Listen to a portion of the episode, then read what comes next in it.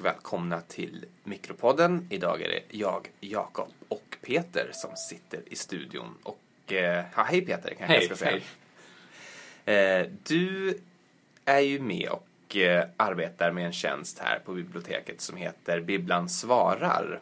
Mm. Eh, vad är det för någonting? Det är en, eh, vad ska man kalla en nationell frågetjänst som eh, bibliotekarier runt om i Sverige jobbar med helt enkelt. Så där kan man gå in och ställa frågor om i stort sett vad som helst och så får man svar från en, en jourhavande bibliotekarie. Och väljer man då vem som ska svara eller kan det vara vem som helst i Sverige som svarar? Du kan ställa upp några frågor så då kan du få svar från vem som helst, en ämneskunnig som svarar. Eller så kan du välja att ställa frågan direkt till en svarare också om du hittar någon som den här personen verkar ha bra smak eller har ställt bra eller svarat roligt så då kan man Okej, fråga den direkt. men man kan fråga vad som helst. Det Ja. måste inte vara biblioteks... Nej, man kan i stort sett fråga vad som helst. Okej, ja. Nu är det så att du hade med dig några frågor som du har fått från den här tjänsten in i studion. Och eh, vi tänkte att vi kör ett litet reenactment helt enkelt. Mm. Vi tar med Bibblan svarar in i podden. Bibblan svarar in i podden. Så eh, då gör vi så här att jag, jag är då, jag frågar och du svarar. Ska vi säga det? Eh, det här är autentiska frågor då. Vill jag väl lägga till. Betalar biblioteket någonting till författarna eller till någon författarorganisation när en bok lånas ut? Undrar en blivande punkförfattare. Ja, du blivande punkförfattare. Det här är en ganska vanlig fråga som jag har fått in på biblioteket också faktiskt. Jag vet inte om du också har fått det. Det kanske inte är så välkänt att det finns någonting som heter biblioteksersättning. När en låntagare då lånar en fysisk, kallar vi det, alltså en bok som, du, som inte är en e-bok helt enkelt. När man lånar en sån bok så betalar ju, vi betalar ju bara vad boken har kostat på affären, där vi har köpt den ifrån. Däremot betalar staten en schablonavgift i biblioteksersättning till den som har upphovsrätten. Och så priset per bok just nu är en krona och 53 öre. Så varje gång du lånar Snabba Cash så går en krona och 53 öre till Jens. Jens. Lapidus? Lapidus? Jag säger Lapidus, Ja. men det kan också vara Lapidus. Vem får, vem får mest pengar från den här uh, biblioteksersättning? Tror att det kan vara Martin Widmark faktiskt. Ah, Lasse-Maja, Mm. såklart. Rimligt. Eh, jag ska säga också, det finns ju e-böcker på biblioteken och för dem gäller inte riktigt samma sak utan vi betalar ju per lån ofta fortfarande på e-böcker. Och då går en summa till förlagen och en summa till de som levererar e-böckerna till oss. Det är ett företag som heter Elib. Och då får helt enkelt förlagen bestämma hur mycket författarna ska ha av den summan. Så det har inte vi så mycket med att göra. Okej, så vill man vara säker på att stödja författaren då ska man låna fysiska böcker? Då går man och lånar helt enkelt en fysisk bok. Bra. Det hoppas jag att blivande punkförfattare var nöjd med då, Mm. när frågan ursprungligen ställdes. Eh, jag fortsätter. Det här, jag förstår inte riktigt den här frågan, men jag läser bara vad det står nu på pappret. Varför skulle inte ord som skitdagen och skolkat kunna finnas med i en roman från 1900-talet? Undrar Jocke.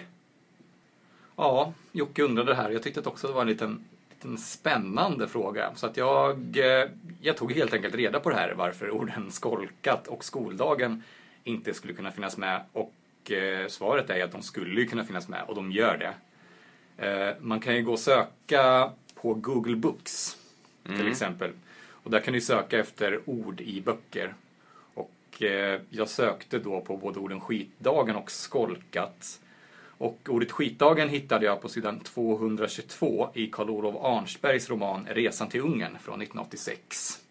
Och skolkat använder bland annat Lars Gustafsson på sidan 110 i romanen En biodlares död från 1979.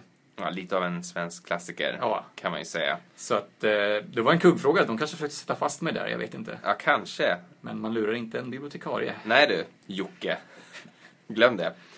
Okej, fråga nummer tre då, som också är sista frågan. Den lyder så här. Hur kategoriserar man böcker på bibliotek i Kina? De kan ju inte katalogisera efter författarens namn, som vi kan göra, för de har inget alfabet. Frågar Språkjuno. Mm. Det var en ganska bra fråga tycker jag. Det, det är faktiskt någonting man kan fundera på. Det har ju jag gjort. Eh, till början kan man säga att det finns ju två aspekter av det här. Dels hur man sorterar och ordnar själva litteraturen efter ämne. Och det gör ju vi i Sverige efter någonting som heter SAB. Och i Kina så verkar det vanligaste sättet att ordna ämnesvis vara någonting som heter Chinese Library Classification. Som jag kanske inte tänker gå in på i grunder utan det får man, det får man läsa på om själv helt enkelt om man är jätteintresserad. Annars, just att sortera böckerna då efter tecken. Vi sorterar ju efter, efter, i bokstavsordning efter, våra, efter vårt alfabet. Så eftersom man inte använder samma alfabetiska system som vi gör i Kina. I grunden finns det två sätt man kan sortera böckerna efter i Kina. Det första är att helt enkelt sortera efter antalet streck i ett tecken. Plus att man kombinerar det här med att sortera efter någonting som heter radikaler. Det här är kinesiska tecknets stam eller mening. Mm. Så att dels sorterar man efter hur många streck finns i det här tecknet och vad är basen i tecknet. Och det är då ett sätt att sortera genom att använda de traditionella kinesiska tecknen. Sen finns det också ett system som heter pinyin. Mm. Där man transkriberar kinesiska ord till vårt alfabet, till det latinska. Just det. För så gör ju vi med eh, ki- kinesiska böcker eller böcker på andra språk överhuvudtaget. Att vi transkriberar ju till latinska alfabetet. Men gör man det också i Kina då? Använder man pinyin eh, för att göra det? Ja, jag tror att man gör tvärtom som vi gör. När vi har kinesiska böcker så har vi ju skrivit ut med våra tecken Ja, ungefär vad det står och sen sorterat. Ja, det finns några andra sätt också att sortera på. Man kan sortera på vanligast förekommande tecken och så kan man sortera efter tecknens utseende. Mm. Och det där sista vet jag faktiskt inte riktigt hur man gör. Men det lät spännande tycker jag. Det lät väldigt spännande. Det tycker jag är ju besläktat med antal streck i tecknet. Mm, jo, absolut. Tror jag. Jag vet inte. Men okej, tack så mycket för det. Det var de frågor som vi tar upp idag. Om du har några frågor kan ni mejla oss eller så kan ni ju gå in på Bibblan svarar så får ni svar av Peter eller någon annan bibliotekarie ute i landet. Det tycker jag ni ska göra. Hej då! Hej då!